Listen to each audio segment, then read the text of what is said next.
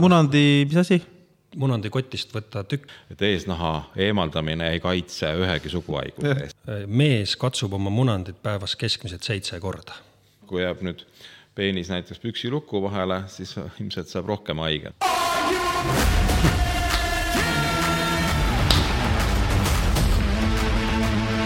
Nonii, meie hakkame rääkima. Ma mõtlesin, et sa küsid või juhatad. küsid, hakkan. küsimustega tuleb ikka jah jah. ma siis mõtlen, et kas ma ka kvalifitseerun ka arstiks, kui mul on arsti käekiri või? jaa, jah, Tartu Ülikoolis kuus aastat õpetataksegi äh, kirjutama, nii et keegi aru ei saaks. see on põhiline õpe. ja, ja vanasti kirjuta-, õpetati neid farmakolooge lugema arsti käekirja. tuli käsiretsept. tere tulemast kuulama Jaan Kruusmaa podcasti. Täna on meil teemaks meeste tervis ja nuku. ja täna, täna on meile siis tulnud rääkima sellest doktor Margus Krabi ja doktor Kristjan Pomm. oleme siin Eesti vanimas erahaiglas Fertilitases, kus juhuslikult saab ka eraviisiliselt tegeleda meeste terviseasjadega Äh, olen ka siin ise käinud äh, kunagi äh, noorena suguhaigustesti tegemas. oli väga diskreetne, tulemused tulid kiiresti ja teenus oli äh, professionaalne, julgen soovitada. tänane saade on siin tänu äh, siis äh, Liinale, kes äh, kutsus kokku need doktorid ja minu, et siis rääkida meeste tervisest hakkame algusest. ma kohe ei küsi, kes te olete, see on mu teine küsimus, sest äh, kuulaja juba on, mõtleb, et mida see, ma siin pomisen nii kaua, et räägime asjast. küsin kohe ära, et äh, mis on, mis asi on meeste tervis? mina veeretaks selle palli kohe doktor Pommi väravasse, et doktor Pomm on ikkagi meestearst mm -hmm. ehk androloog, et eh, And-, kas andro tähendab mees ja? mina olen uroloog ja ütleme, suures plaanis on an- androloogia, uroloogia niisugune osa uroloogiast uroloogia väike vend, nagu üks õpetaja mulle kunagi ütles, mis tegeleb siis peamiselt eh, meeste noh, erinevate meeste haigustega, valdavalt siis eh, kuse-sugutrakti põletikuliste eh, haiguste diagnostika ja raviga see on siis uroloog. androloog Andro- Uro,. uroloog on nagu laiem valdkond, mis tuleb sõnast uro või uriin, mis tegeleb siis äh, meeste ja naiste kusetrakti kirurgiliste haigustega valdavalt ja meeste ja naiste kusetrakti. Ehk siis mm -hmm. gümnakoloogid tegelevad siis sugutraktiga, uroloogid tegelevad siis äh, urotraktiga mm, -hmm. naistel ka. neerud, põis, pusiti, see on ka naistel. et nii sügavale, kui see läheb, siis sealt kuskilt toimub see lahknemine, et kumb arst siis edasi võtab. no põhimõtteliselt uro, uroloogia on kirurgiline eriala mm., laias laastus androloogia on äh, terapeutiline, protseduuriline natuke, noh, seal on kokkupuutepunktid ja androloogia on uroloogia osa, mis on läinud süviti siis. Siia võib-olla on hea lisada, et andro-, androloogid tegelevad ka inimese reproduktiivtervisega ehk siis soo jätkamisega seotud muredega ja seksuaaltervisega, et ta ei ole pelgalt mitte need mehele omaste nii-öelda kuseteede või sugueluorganite põletikud, vaid kindlasti ka viljatuse mure moodustab väga suure osa meie igapäevatööst ja erinevad seksuaalhäired ja ka hormonaalsed häired, mis siis on nii-öelda mehe spetsiifilised, et mõnikord tekib olukord, et meessuguhormooni vaegus kujuneb välja ja mida me kutsume hüpogonadismiks. Ja see on ka tegelikult üks meestearstide nii-öelda tegutsemismaa, et mõneti me oleme osa uroloogiast, tegelikult läheb veel väikene osa nagu endokrinoloogiast, siis sisenõre-näärmete haigustega seotud valdkond, pluss seksoloogia, ehk et äh, tõesti eesmärk siis seda meest võimalikult nagu terviklikult käsitleda. ja kui mõelda küsimusele, et äh, vastusele, et mis see meeste tervis on, siis ega nüüd meeste tervis naiste tervisest ju tegelikult ei erine nagu käsitluse mõttes, et et siin meestearstidena me alati hoiame nagu fookuses seda tervise definitsiooni, mille Maailma Terviseorganisatsioon juba aastakümneid tagasi sõnastanud, et mm -hmm. terve inimene on see, kes tunneb end nii kehalises mõttes, vaimses mõttes kui ka sotsiaalses mõttes hästi. ehk et äh, selline vaimne, füüsiline, sotsiaalne heaolu on see, mille nimel siis me arstidena tegelikult ju ka pingutame ja kui mõelda, et näiteks seksuaaltervis, partnerlussuhted on ju osa sellest sotsiaalsest heaolust ja tervisega väga selgelt seotud, siis tõesti tulebki kogu seda inimest nagu tervikuna käsitleda arstina. ja ma arvan, et nii teevad tegelikult kõik arstid, nii uroloogid, silmaarstid kui mis, mis iganes muu erialaarst. kas võib öelda niimoodi, et võib-olla üldistan liiga, et, et mõnes mõttes on see üks väga oluline osa mehe jaoks, et ütleme, et terves nok-, terves riistas terve mees jah, see võib-olla on päris hea ütlemine, et mõnes mõttes tõesti selline seksuaaltervis on inimese tervisepeegel ka, et kui tekivad erektsioonihäired, siis see on märk, et midagi kuskil on valesti, et kas see on seotud vaimse mingi murega, on uus suhe lihtsalt ärevus seksuaalvahekorra ees või on vananemisega seotud mured, elustiiliga seotud mured, et äh, erektsiooni tekkimiseks on vaja, vajalik hea verevool, väga hea verevarustus, nii-öelda veresoonkond juhul kui on elatud pikka aega ebatervislikku elu, kolesteroolid, vererasvad on väga kõrged, veresuhkur kõrge, kehakaal kõrge, et siis on ilmselge, et need veresooned lupjuvad ja erektsioonihäire võib tegelikult olla esimene märk südame-veresoonkonna haigustest mehe oh, jaoks mm nii et kui õllekõht ei motiveeri veel äh, arsti juurde või tervist korrigeerima, siis äh, loodetavasti, kuidas öelda, mittetoimiv riist, siis äh, on piisav motivatsioon mehel ennast kätte võtta maks. ma omalt poolt täiendaksin seda, et minu meelest androloogid, meestearstid tegelevadki väga niisuguse tänuväärse tööga, et vaatavad meest tervikuna mm. Et äh, tihtipeale niisugused äh, kirurgilise eriala inimesed või üldse spetsialistid kipuvad võib-olla minema natuke liiga oma nissi ja siis tekib selline äh, mentaalsus, et kui su nagu tööriist on haamer, et siis maailm võtab naelakuju, et seda nagu vältida alati, et just nagu öeldi, et, et vaimse, füüsilise, sotsiaalse heaolu seisund et kõik komponendid on olulised. et noh, terve mees, et nokku on haige, et mm -hmm. mõnel meestel ongi nokuhaige ja mm -hmm. noh, ei saagi teda kunagi selliseks, nagu ta võib-olla kunagi oli ja ta tahaks, et see oleks, aga meie asi on siis selgitada, et nagu Muhu vanasõna, et meest ei tunta mitte munadest, vaid mehetegudest, et seal on veel komponente juures, et mm mitte ainult nokku, et mees ei ole ainult nokku mul. jah, ma natuke võib-olla meelega liialdangi seda osakaalu, et aga see mõjutab mehe ja. vaimset eh, tervist väga tugevasti mm loomulikult, kui tal on probleeme seal. Ma vaatasin sotsiaalmeedias, et kui ma küsisin noh, et meeste tervise kohta, siis tegelikult enamus küsimus, noh, ma sõnastasin loomulikult selle ka niimoodi, et panin koos nokupildi, riistapildiga kuidas on siis hea, peenis või, riist? aga see ongi jälle sihuke äh, stigmatiseerumine, et, et meest nagu paned riistapildiga, kuidas me naist siis defineerime, et paneme dissid või et siis hakatakse süüdistama kohe ju mm. milles iganes, eks ole, et aga vaat, ei sobi tänapäeval. aga see vähemalt käivitas inimesi, kuigi alguses keegi ei vastanud ja lõpuks siis nagu, kui paar tegid suu lahti, siis julgesid nagu küsida seal äh, igasuguseid põnevaid küsimusi, mille peale ma ise oleks tulnudki. nii, aga kes te olete? alustame nooremast kõige nooremast, ma olen, ma, ma vist olen natuke noorem ma arvan jah, vist jah. et mina olen. Äh, mina välimuselt aru ei saa. väga hea ta oskab oma vaimset, äh, füüsilist ja sotsiaalset tervist hoida ja siis mees paistab ka noorem välja. Pluss geneetika muidugi, mille vastu me ei saa. mina olen äh, Margus Krabi, erialalt uroloog. hetkel töötan Pärnu haigla kirurgikliiniku juhatajana ja ma annan siis üle doktor Pommile. mina olen Kristjan Pomm, töötan Tartu Ülikooli Kliinikumis meestekliiniku juhina. androloogia on siis minu eriala. androloogia, mees terviklikult, uroloogia, siis uriinisektsioon kui sa veel kõnes, mis mina kunagi olen mõelnud, ütlesid, et ka neerud, eks ju, on osa sellest värgist, siis ma nagu noh, ma ei osanud varem nagu, ei pannud pilti kokku või? et kas te tegelete ka neeruhaigustega? ja ikka, neeru, kirurgilised neeruhaigused, kasvajad, kivitõbi on ikkagi uroloogide valdkond mm. -hmm muud neeruhaigused, põletikulised neerupuudulikkused on nefroloogid ehk neeruarstid, et et ma ütlen, et androloogia, meeste tervis on osa uroloogiast mm, -hmm. mis on läinud nagu mõnes mõttes kitsamaks, teises mõttes laiemaks, võtab meest võib-olla tervikuna rohkem, aga äh, uroloogias ikkagi äh, on võib-olla rohkem sellist äh, Äh, terapeutilist ja tervikut äh, nagu käsitlemist ja lahendamist eriala sees, kui näiteks üldkirurgias või südamekirurgias, et kus ongi konkreetne asi, konkreetne haigus, et on ainult väga peamiselt kirurgiline tegevus, siis uroloogias on vastu võtud office-based uroloogia, ongi nagu tihtipeale androloogia. Mm. Võib-olla see vahele või lisaks seda ka, et, et noh, me tegelikult teeme ju omavahel väga head nii-öelda koostööd.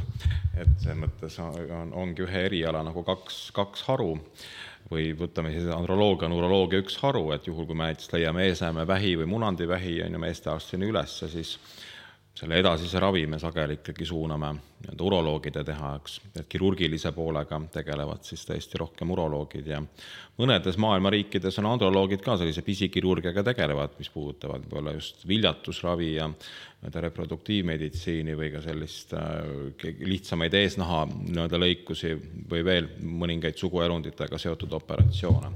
Aga täna Eestis me oleme jah, selle omavahel nii ära jaganud, et äh, reeglina kirurgiline pool jääb siis alati uroloogide teha mul on siis praegu ideaalne võimalus äh, two in one nagu. absoluutselt püksid maha okay.. aga sa võid teha seda me jääme diskreetseks. osa kaks või niimoodi behind the scenes, et kui Patreonis maksad, siis näed uh mhm. -huh. kulisside taga ka. küsin korra veel niimoodi teilt, et kes te olete, ilma et te kasutaks nüüd ühtegi eelnevat äh, või tööalast kirjeldust? seda on raske teha, et ma olen ikka alati mõtelnud, et inimest äh, paljugi defineerib ju see, mida ta teeb, et äh, kui ta teeb seda hingega ja loodetavasti teeb seda hästi, et siis see natuke defineerib teda ka inimesena, et sellest me ei saa nagu päris mööda vaadata. aga loomulikult olulisem on ju see, et kes sa oled, mitte et mida sa teed. see on osa kindlasti sellest, no mina, mis ma veel olen peale arsti ja kirurgina ja kliiniku juhatajana, ma arvan, isa, abikaasa mm. -hmm. püüan olla hea inimene mm, -hmm. püüan teha iga päev vähemalt ühe hea asja jah, see enda defineerimine tööväliselt on kohati, kohati keeruline, et mina samamoodi proovin olla ja loodan, et olen ka hea, hea isa oma, oma pojale. ja tõesti hoida selliseid positiivseid ka väärtusi elus enda jaoks tähtsana ja proovida nende järgi elada ka ise. et ma arvan, et see on noh, ülioluline, et tegelikult ka need mehed, kes tulevad nüüd arsti juurde, väga sageli ma arvan, võtavad seda juttu võib-olla paremini vastu, kui nad näevad, et arst ise enam-vähem ikka enda sõnade järgi ka ise elab, mida ta mm -hmm. teistele soovitab, et äh, kui Ma... oled tõsiselt nii-öelda ennast käest ära lasknud iga, igas mõttes, siis arsti, arsti suust kuulda, et ole hea, et nüüd võta siin kolmkümmend kilo või, või viis kilogi vähemalt alla ja proovi suitsetamine maha jätta ja proovi veel üht-teist teha, siis äh, nii-öelda soostumus on kindlasti parem, kui ja tuleb sellise positiivse meelega ja heal juhul ka positiivse eeskujuna öelduna millest teil selline äh, ametivalik? No elus on kõik juhused, et mm -hmm. selles mõttes see kindlasti ei olnud ülikooli ajal nagu esimene mõte, et vot androloogia oleks see eriala, kuhu ma tahaksin jõuda. ja noh, tegemist on mingis mõttes uue erialaga ka, mis tõesti Eestis ongi üheksakümnendate algusest, Euroopas samamoodi on ta seal kuskilt üheksakümnendate algusest pärit nii-öelda eriala, kasvanud vajaduse järgi, ennekõike just nimelt siis selle reproduktiivmeditsiini, meeste viljatuse murega seonduvalt ja saatus on äh, nii tahtnud ja hetkel ma olen tõesti väga õnnelik, et ma arvan, et tegu on väga huvitava, väga areneva sellise erialaga ja ja tõesti teeb, teeb õnnelikuks ja ma arvan, et ma olen hetkel õiges, õiges kohas ja õiget tööd tegemas.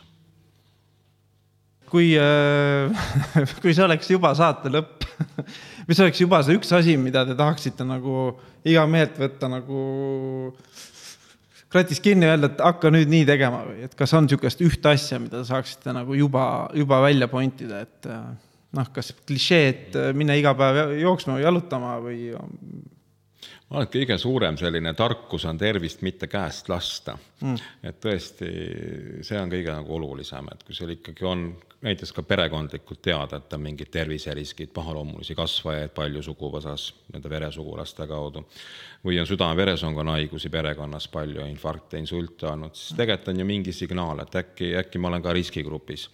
ja, ja just nimelt minnagi terve mehena arsti juurde, teha üks väike selline kontroll, vaadata oma tervisenäitajad üle, saada teada, et kõik on korras või kui mm -hmm. Ei ole korras, aga veel ei ole ühtki nagu häda tekkinud, tervisemuret või haigust pole arenenud, siis see õigel ajal sekkumine on tegelikult ju kõige õigem ja kõige ka nii-öelda kulu-tulu tõhusam nii inimese kui Eesti meditsiinisüsteemi jaoks, et ehk et selline nagu arutu julgus, et oh, ma olen nii tugev ja vägev mees, et mind ükski haigus ei taba, on kindlasti liiga lihtne mõtlemine, et ka selline ennetav meditsiin ja nii-öelda ennetavalt arsti juures käimine võiks saada nii-öelda traditsiooniks ja normaalsuseks. kindlasti ei tohi minna teise äärmusesse, et iga kuu paaniliselt mõõta seal eesnäeme vähiriski hindavat nii-öelda BSA markerit või käia kogu aeg vererõhku kuskil mõõtmas, et see ei ole ka vajalik, et sellist terviseärevust ei ole kindlasti vaja kuidagi juurde nagu kultiveerida ja tekitada, aga mõistlik kontroll kord aastas, nelikümmend pluss, võib-olla viiskümmend pluss, tõesti mõnikord ka tihedamini, üle poole aasta tagant, on täitsa mõistlik mm. -hmm nagu sellele lisada raske midagi, kõik tark jutt on ära öeldud mm. -hmm. et äh, jah, enesedistsipliin on oluline. et äh, ennast mitte käest lastes, ennetades asju on nagu mõistlikum tegevus, kui nende probleemidega hiljem tegeledes ma tahaks tegelikult, teie, ma läksin nii ruttu juba järgmise küsimuse juurde, aga teie juurde korraks tagasi tulles, et kuidas te ise täna oma meheliku tervise eest hoolitsete? kui endast rääkida, siis mina ikka püüan teatud regulaarsusega tegeleda kehakultuuriga. sport on tervise arvelt, spordiga ei tohi tegeleda mm. et see on jälle mõõdukus, et tihtipeale ka mehed, noh, keskiga on ju, on nüüd võib-olla raske nüüd öelda, mis on keskiga, seda definitsiooni natuke on muudetud ka, et kust see keskiga tuleb. Näevad, eks ole, et neil on siis tervis on käest hakanud minema, ülekaal on tekkinud, vererõhk on kõrge, võib-olla on erektsioonihäired, võib-olla on kodus mingid sotsiaalsed katastroofid olnud ja siis mõtlevad, nüüd ma võtan ennast kätte ja nüüd hakkavad hirmsat moodi vehkima. Lähevad, laskuvad äärmustesse. nagu Ironman, kas on äärmus? no jah, ma arvan, Ironman on ikka natuke tervise arvelt, et see ei ole nagu juba enam tervisesport, et sa nagu teed selleks sporti, et olla terve vaid siis sa teed juba selleks sporti, et mingit saavutust saada, et see on nagu selles on vahe sees, eks ole mm.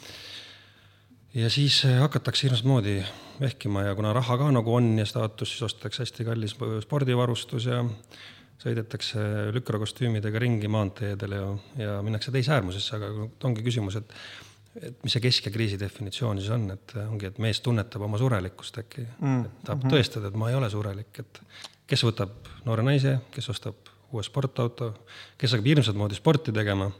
et äh, selleks, et kriise nagu vältida või ennetada, võib-olla ongi, et sa nagu kogu aeg teadvustad endale seda, et sa oled surelik, kogu aeg tegeled sellega, et kriisideni ei jõuaks mm. -hmm.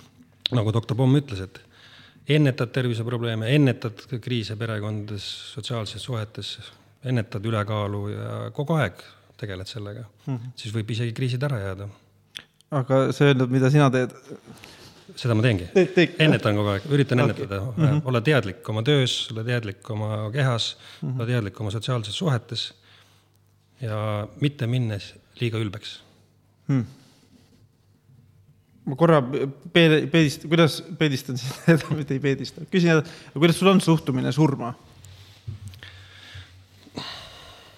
või surelikkuses? fatalistlik, ma ütleks nagu, nagu, et nagu ütlevad muhameedlased, et inshallah et kui jumal tahab, siis me peame olema. aga veel kord, et meie saame teha ainult seda, mis meie saame teha mm. -hmm. ehk siis nagu me just rääkisime. et mitte kutsudes teda ennatlikult enda juurde mm, -hmm. vaandades riske. ja siis selline ongi.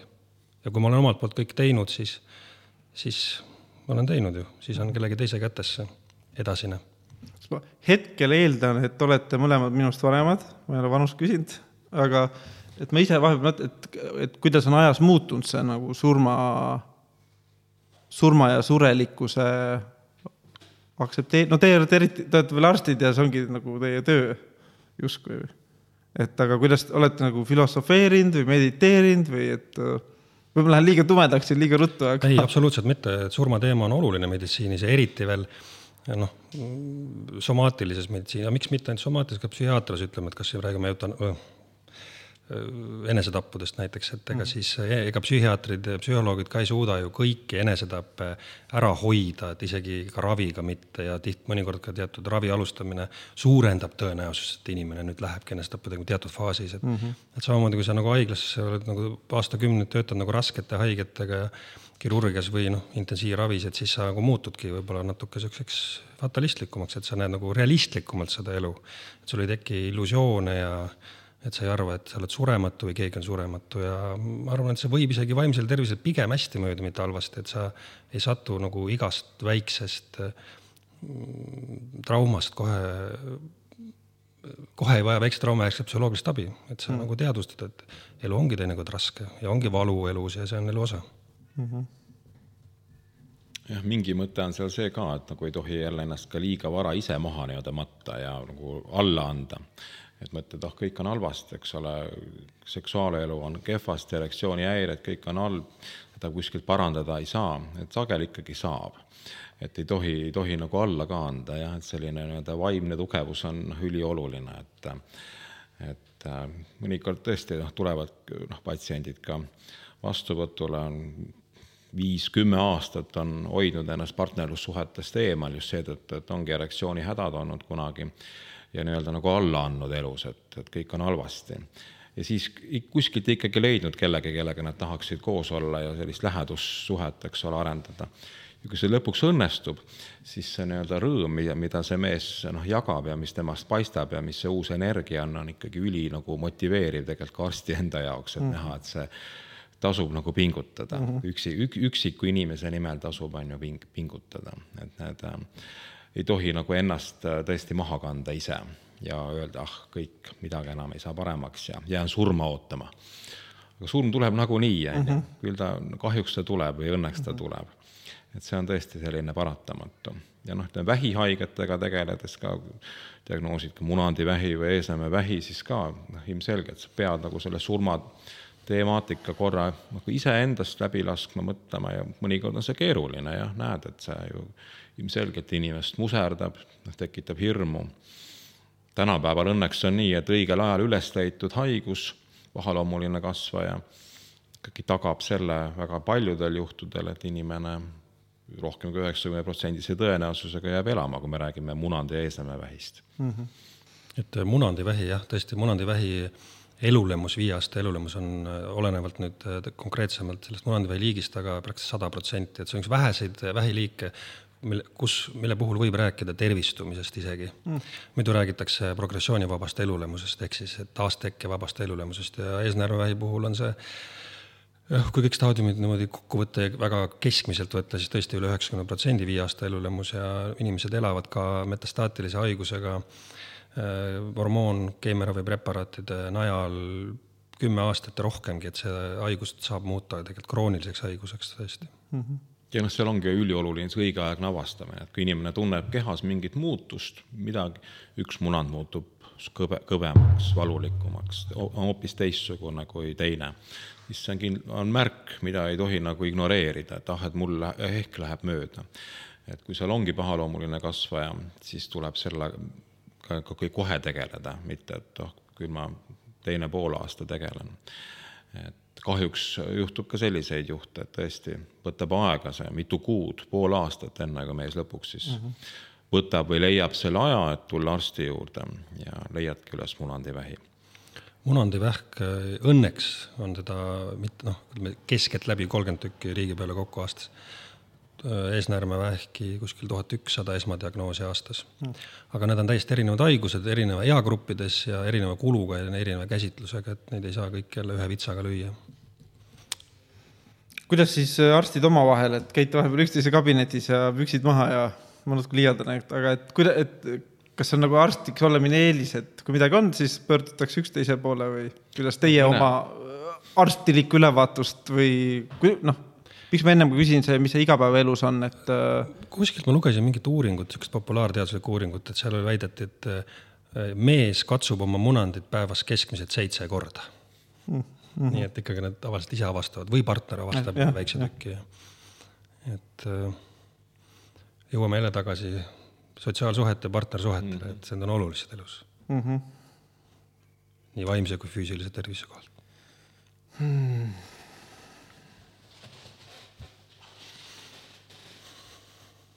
Ma võtan korra niisuguse rubriigi nagu Nuku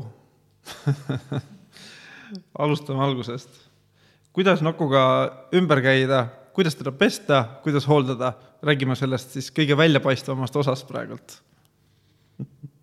no käsitlema peab kindlasti nokut või peenist või kusitit või sugutit, mitte kusitit, sugutit, kuidas me teda saab kutsuda erinevate nime, kindlasti hellalt, et see on kindlasti oluline.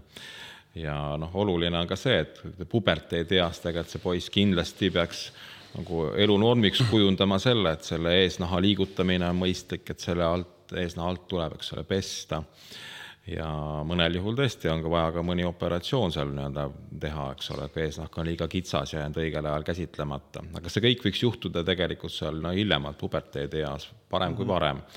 niisugused nii-öelda anatoomiliste vigade korrigeerimised. Ma ise ei ole, mul lapsi veel ei ole, aga sina oled isa et kuidas nagu, kuidas sa siis oma poisiga tegid, et kas no, töötab või? ja ei no ei ikkagi loomulikult, loomulikult vaatasin, eks ole, et esit-, sün-, sünnitusmajas kindlasti esimese asjana androloogina vaatad, kas munandid on mõlemad ilusti olemas, laskunud mm, -hmm. kõik olid, on ju, et mhm. noh, et ilmselgelt siis tuleb jälgida, et ega see nüüd nii keeruline ju ei ole. ma lihtsalt mõtlen, et kui kuulajal on oma poeg, et kuidas ta peaks pöörduma või? noh, kõige lihtsam ongi, et poiss läheb nii-öelda pissile täiskasvanud käivad kusela, väiksed poisid käivad pissil, et mm -hmm. nii et ole hea, liiguta seda eesnahka nagu tahapoole, tavaliselt noh, inimene endale haiget, eks ole, ei tee, et viga teha seal on nagu võimatu. ja või siis ka ise, eks ole, tõesti lapsevanemana seda eesnahka proovida liigutada, kui ta ilusti liigub, peenise pea tuleb nähtavale täies ulatuses siis on kõik väga hästi. kui tundub, et ei saa täpselt aru, on nüüd siis kitsas või kas liigub vabalt või mitte, no siis tasub minna arsti juurde. sellega tegelevad küll rohkem lastekirurgid mm. -hmm. et äh, kui on tegemist tõesti lapsega, kümnendates noorema elueas lapsega, et siis pigem on tark minna nende eesnaha küsimustega lastekirurgi juurde. aga võib tulla ka meestearsti juurde mm, -hmm. tõesti käivad mõnikord ka isad oma poegadega meie juures. mul on näiteks. isegi sagedasti käinud tõesti mm -hmm. emad või isad toonud lapse kohale, ka viieaastased, ka seitsmeaastaseid. mina olen alati soovitanud äh, inimestele, et äh, peenis, kui, kuidas peab peenisega siis ümber käima mm. -hmm et siis mina alati ütlen, et peenist äh, peab ümber käima nagu suuhügieeniga, et hambaid pesed iga päev, samamoodi peab peenist iga päev pesema. mul on olnud näiteid muidugi kahjuks mitte ainult üks, võib-olla no täpset numbrit ei hakka ütlema, et kus siis tulebki kaheksateist, kahekümne aastane noormees vastuvõtule on isegi saatediagnoos olnud, et peenisevähk ja siis lõpuks selgub see, et inimene lihtsalt pole mitte kunagi elus peenist pesnud mm.. ja kui küsida käest, miks, siis ta ütleb, et ema pole õpetanud mm -hmm.. noh, selliseid näiteid on, et see on ikka vanemate kohustus jah mm. -hmm. et eesnahka peab ikkagi liigutama ja need seisukohad on muutunud ka kirurgias, et kunagi arvati, et lastekirurgias, et viiendaks eluaastaks või noh, hiljem seitsmendaks peaks eesnahk taga käima, aga noh, päris nii jäik see enam pole ikkagi mm, -hmm. need kongenitaalsed liited on seal, mis võivad laheneda ja kui ei ole põletikke või täiesti fimoose, mis sulgevad eesnaha, et ei saa urineerida laps enam. kui tihti Eestis, ma ei tea, kui tihti Eestis tehakse eesnaha äh, eemaldamist protseduuri lastele või täiskasvanutele? õige vastus oleks vist palju sest numbrit ma ei oska öelda, see on väga levinud operatsioon väga levinud jah. ma ise ei ole kunagi nagu tundnud selle, kas teil on eesnahk ära lõigatud? Ei ole, julgen vastata, et ei ole jah. ja noh, seal ikkagi on nagu näidustus, eks ole, et juhul, kui on eesnahk nii kitsas, et ei liigu üle peenise pea, siis mm -hmm. on mhm. selge, et see operatsioon on mõistlik teha, sest tõesti, seal tekivad põletiku tekkimise riskid, see võib suguelu hakata segama. juhul, kui eesnahk liigub normaalselt, siis seda lihtsalt võtta ära ei ole vaja, välja arvatud noh, kui on mingid usulised või muud kultuurilised ja eripärad, soovid, siis seda noh, kaastina, eks ole, tuleb aktsepteerida. aga on seal mingi niisugune, mina kui tavaline mees, kes on harjunud oma eesnahaga, et on seal mingisugust suurt plussi, mida saada, kui ma peaksin soovida oma eesnaha no,, eesnahka eemaldada? see mõned isegi on võimalik tuua välja nii plusse kui miinuseid, et noh, eesnahk, nahal on tegelikult ju kaitsev funktsioon, et ta mhm. kaitseb õrna peenisepea nahka, et tegelikult üks kaitsev kiht on ju peeniselt ära, võib tähendada riske, et noh, kui jääb nüüd peenis näiteks püksiluku vahele, siis ilmselt saab rohkem haiget mm. -hmm. seda õnneks juhtub, eks ole, üliharva, et mm -hmm. tavaliselt eh, seda, seda ei koge. aga, aga teistpidi jälle on see, et see peenise pea noh, muut-, võib muutuda ka tundetumaks, kui see nahk on ära lõigatud, mis vanemas eas võib tähendada, et võib-olla, võib-olla seksuaalsed naudingud muutuvad nii-öelda madalamaks. see kõik tekib üliaeglaselt ja öelda, et see on, et seetõttu ei peaks ümberlõikust tegema, kindlasti ei saa kaitseefekt on ka leitud tegelikult, kui see peenisepea nahk muutub nagu tugevamaks, paksemaks, siis on ta ka raskemini vastuvõttev igasugustele haigustele. on tegelikult noh, tehtud suuri nii-öelda teadusuuringuid, kus on leitud, et näiteks ka HIV ja osade suguhaiguste ülekandumine nendel meestel, kellel on eesnahk ära lõigatud, on väiksem võrreldes nendega, kellel eesnahk on alles jäetud. aga jällegi oluline on aru saada, et, et eesnaha eemaldamine ei kaitse ühegi suguhaiguse eest, et noh, tegin selle ära, nüüd võin seksida kõigiga, kellega pähe tuleb, eks Mhm. ole, ja olen, olen kõige eest kaitstud. ja noh, üks kasu on ka see, et põletikke tõesti ka ei teki, on ju, eesnahapõletikku ei saa tekkida, et näiteks kui on tegu diabeediga, esimest tüüpi diabeediga, kus on väga suured riskid, et võivad tekkida erinevad nagu kroonilised nahapõletikud, nahahaigused, sealhulgas eesnahapõletik, siis mõnel juhul on diabeetikul näiteks täiesti mõistlik see eesnahk ära lõigata, kui on korduvad ja korduvad põletikud, mille ravi on tülikas, see segab nii kusel käimist kui seksuaalelu mm, -hmm. siis on igati mõistlik see eesnahk ära võtta. kuidas pesta hästi oma riista ja millega? Puhta veega on kõige mõistlikum soovitus, et igasugu kuivatavad šampoonid või väga tugevad pesuvahendid ei ole kindlasti head, et see ajab selle normaalse naha nii-öelda bakterite, seente tasakaalu paigast ära, et naha peal elavad igal inimesel mingisugused nii-öelda bakterid, mis on normaalne mm -hmm. ja selliste väga tugevate pesuainetega, mis lubavad tappa kõik bakterid näiteks mm, -hmm. on ju, ei ole vaja seda peenist pesta, et puhas vesi igapäevaselt on kõige, kõige mõistlikum. kas öö, mina vahepeal nagu vaatan seda, et kui linnaelus eriti, et nagu iga päev on nagu iga hommik vaatan, et riist tahaks nagu pesemist. noh, et kuidas smegma on see õige sõna siis või? aga peabki iga päev. peabki jah, ei ma noh, selles mõttes pesen ka. see on nagu hambaid jah. aga lihtsalt ma vahepeal imestan, et kui ma olen näiteks kaitseväest mäletan, kui pikemat aega metsas või nagu muidu metsas vabas õhus hänginud, siis või olnud pikemalt koos, noh, ühesõnaga värsket õhku palju, siis on nagu, et see puhtus on täiesti teine, ma nagu, ma ei tea, kas seal on mingi seos või stressitase või mingi muu, et ühesõnaga linnas on minu riist suguti palju mustem äh, kui äh, loo-, nagu siis maal.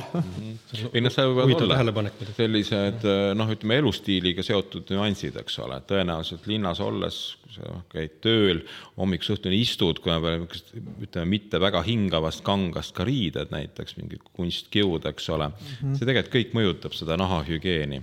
Ja tõesti suvel väga sooja ilmaga ilmselgelt seda nii-öelda smegmat ja sellist bakterite kooslust seal võib ka vohama väga lihtsasti, eks ole, minna. Mm -hmm.. noh, pluss mõjutavad ka muud elustiilitegurid, et kui näiteks väga palju alkoholi pruukida või väga palju magusat süüa, tõuseb veresuhkur, siis see ka soodustab selliste nahapõletike tekkimist mm, -hmm. kui peale tugevat pidu on eesnahk punane, siis on see hea märk, et midagi sai valesti tehtud mm. -hmm. oleks pidanud mõne napsi jätma võtmata. osad vaatavad seda, et kuidas keel on, eks ju, et siis saab tegelikult eesnahk on samamoodi ja, ja, ja noh, ongi jällegi mehel on kroonilised või korduvad eesnahapõletikud ja ta elustiil on kõike muud kui tervislik, siis noh, tulebki ka arstina ära seletada, et kui te nii jätkate, siis on teie, see on teie valik. Te peategi käima iga kuu siin, et välja kirjutada uued, eks ole, retseptiravimid ja ilmselt teil suguelu on kehva, kusemine on kehva ja kui te enda käitumist ei muuda, siis see jääb, eks ole, korduma. et tõesti, inimese keha käitub kui tervik ja neid loogikaid peabki seletama inimesele, muidu mm -hmm. ega ravitulemust sa ei saa. saad küll jah, kuld, kuld, kuldkaardiga nii-öelda patsiendi, aga mm -hmm. see ei ole meie tegevuse eesmärk. selles mõttes võib-olla on hea, kui on äh, arstiabi riigipoolne ka rohkem, et siis ei ole seda soovi, ma ei tea, ma räägin nüüd mingit lolli juttu. no vot, siis ei ole nii palju soovi seda korduvat klienti saada. räägi, räägi, meil ei ole ju rumalaid küsimusi. no ma ise mõtlen, et oma ma ei tea ju, ma oma peas kujutan ette USA meditsiinisüsteemi, eks ju, kus on eraarst ja see kuldklient on väga hea, eks ju. aga Eesti, kui on nagu riiklik tervisesüsteem, siis tegelikult see kuldklient ei ole hea, eks ju. No ta võtab ära võimaluse teistelt inimestelt vastu tulla ja, ja seda küll, jah pikendab ravijärjekorda. kuldklientide välistada ja neid täiesti nagu nulli viia taset ei saa kunagi, et nad mm -hmm. on alati teatud mingi psüühika eri tüübiga inimesi, kes, kes käivadki niimoodi ja noh, eriti androloogias ja kindlasti ka günekoloogias ja sellega peab leppima. Aga ja liiguma... on ka kroonilisi haigusi, mille puhul ongi vaja käia regulaarselt kontrollis, et selles mõttes liigume siitpoolt siis allapoole mis me, minu jaoks on halb, järgmine asi, millest rääkida, on eesnääre. kas seal midagi veel äh, no, põi, põie ja suguti vaheloagna põhjas eesnääre asub tõesti, jah. et kus, kus, mis see hea järjekord aruteluks oleks, mis oleks järg-? eesnäärest võiks rääkida muidugi päevi, et see nagu ei ole idee. ei, võib, sobib igasugune minu peas on, minu peas on siis riist ees mm, -hmm. või riist eesnääre ja siis ma panin munandid mm. -hmm. No kuidas võtta ja mis Muna, munandid ja suguti, nendest võib rääkida võib-olla paralleelselt mm -hmm., väljaulatuvad ja mitte väljaulatuvad. jah. no aga kumbast siis räägime, eesnäärest või munadest? kummas soovid? ühe asja veel. räägime munad ära. mina mingid aastad ei kandnud üldse aluspesu, välja arvatud hädaolukorras, nagu näiteks täna mm. -hmm. et kuidas, sest noh, ma tulen siia, ma ei taha, et tekiks piinlikke momente mm, -hmm. kui ma peaksin WC-s käima mm, -hmm. kui ma ei saa oma noku otsa kuivatada mm. -hmm. mul on, ma ei tea, mingi hetk tekkis harjumus, ma ei tea, kas see on normaalsus siiamaani, et ma, mina teen seda, aga ma ei tea, kas teised mehed teevad seda, et kuivatavad oma riista peale urineerimist. see on täitsa tavaline praktika Jah. ja seda peabki tegema teinekord, et ja see on ka üks põhjus, miks mõnikord tuleb inimesi isegi uroloogi või androloogi vastuvõtule, nad hakkavad rääkima, et mul on kusepidamatus, noor mees, et milles see väljendub, siis ta ütleb, et ma käin vetsus ära, mul tulevad mõned tilgad või neli-viis tilka või kuus tilka ja tuleb ja püksid on märjad, et mm -hmm. noh, ureeter on ju mehel pikk, eks ole, sinna, see mahutab seal kümme milliliitrit vabalt võib mahutada mm -hmm. uriini, et kui sa nüüd ära ei tilguta või korralikult tühjenda või ei lüpsa tühjaks, et siis see jääb sinna. aga mis te see ei arvate, ole, see ei ole haigus. mis te arvate sellest aluspesu kandmisest? ma arvan, et siin on nagu universaalne põhimõte, et, et loomulikult võib käia ilma aluspesuta, samas kui on külm ilm, siis pigem oleks tark, eks ole, noh, kanda riideid nii, et see alakõhupiirkond, lahkliha piirkond, munandite piirkond liialt külma ei saa, et tõesti külma ah., külmaga võivad tekkida ka mingid ma põletikulised mõtlesin, et see on just hea. et no liigne külm ei ole hea, meie kliimas aastaringselt käia ilma aluspesuta, aga eriti kui mingi lühi, lühemat sorti jope, no ei ole väga mõistlik mehe eesnäärme tervisele mõeldes ah,. Okay. ma muna, ma ei mõelnud just, et nagu jookstes ma käin ka niimoodi, et tuul käib läbi ja mõtlen, et see on hea. aga munandi tervise jaoks tõesti, et siin on, ütleme naljaga pooleks on, on Šoti meditsiini ajakirjas avaldatud artikkel, mis siis spekuleeriski selle üle, et kas kilti kandvatel meestel äkki on parem nagu viljakus tervis kui, kui mitte, kui teistel, eks ole, kes kannavad aluspesu, et, et tõesti seal mingi loogika on, et selleks, et munad saaks hästi toota seemnerakke, peab olema kuskil paar kraadi madalam siis temperatuur võrreldes muu kehatemperatuuriga. Ja seetõttu ta on need munadid sinna nii-öelda munadikotti siis inimesel paigutunud, ehk et tõesti selline piisav nii-öelda õhuga kokkupuude mitte liiga külma õhuga on munandile hea aga kuidas äh, saunaga lood on, saun ja munandid? no siin ka päris sellist väga head uuringut pole keegi disaininud, kuigi ju võiks siin soomlastega koos näiteks teha sellise saun ja tervis ja reproduktiivtervis. aga noh, tõenäoliselt ikkagi keegi ei ole saunas, ole, tunde seal noh, kõrges temperatuuris järjest, et selline lühiajaline kõrge temperatuur nüüd seemnerakkude tootmist kindlasti ära ei lõpeta. on küll tehtud teaduskatseid ka, kus siis ongi mehi sunnitud äh, vaba tahtel küll olema nii-öelda kuuma, kuuma veekausis istuma iga päev mingisugused tunnid ja tõesti me noh, nägime, et siis seemnerakkude hulk, hulk langes. Seda uuringut ei tehtud Eestis mm. -hmm. et aga on avaldatud selliseid uuringuid ja aga öelda, et saun on nii-öelda kahjulik äh, mehe tervisele kindlasti ei saa. välja arvatud mingid nüansid, et juhul, kui me räägime viljatusest ja seal võib-olla peab kehavälise viljastamise mingeid võtteid kasutama näiteks lapse saamiseks, siis tõesti võib-olla vahetult enne neid protseduure võiks vältida sauna, et noh, tõesti teha kõik, mis on mõistlik, mis võib jätta need asjad ära, millel võib olla mingi negatiivne toime. kui tulla siis uuringule? kui, tulla nii uuringule kui näiteks kehaväliseks viljastamiseks Aa, ah,, okay. et eelmine päev saunapidu pidada või saunas käia ei ole kindlasti mõistlik. me tuleme muidugi tagasi jälle sinna kompleksse, inimese kompleksse käsitluse juurde, et mm. saun nagu üldplaanis on ikkagi, kui ta ka nüüd ei liialda, eks ole, saunamaratoneid on ikkagi pigem hea mm. -hmm. ja karastamine ja saun ja et siis noh, selles mõttes me ei tohi jälle laskuda, kinni jääda ühte kohta mm. mul on täiega tunne, et tegelikult tahaks teiega nagu mingi, saaks päevase saate teha tegelikult täiega ära. et äh, ma panin tähele ka just, ma olin nagu, et kuidas öelda, erinevaid saateid tehes äh, see noku teema millegipärast tõmbas nii paljusid käima, sest et vahel ma nagu kunagi käisin rohkem tant-, tantra asjadel, siis juba märkasin, et tegelikult inimeste jaoks, ka enda jaoks oli nagu, avastasin seksi täiesti uu- uuel vaatenurgal iseennast ja ja üldse sellest nagu, et väh, et see seks ju tegelikult on iga täiskasvanud inimese suur osa elust mõnes mõttes. väga tähtis no,, ütleme. absoluutselt, seksuaaltervis on ju jälle tervise osa ja, ja inimene on seksuaalne olend, et mm -hmm. nuku jah, kuidagi tekitab elevust inimestes. huvitav küll, miks rohkem kui mõni muu naise suguelund küll, aga mm. -hmm. ka no., ka oma abikaasa puhul vahest teeb nalja, et joonistab mõne nuku.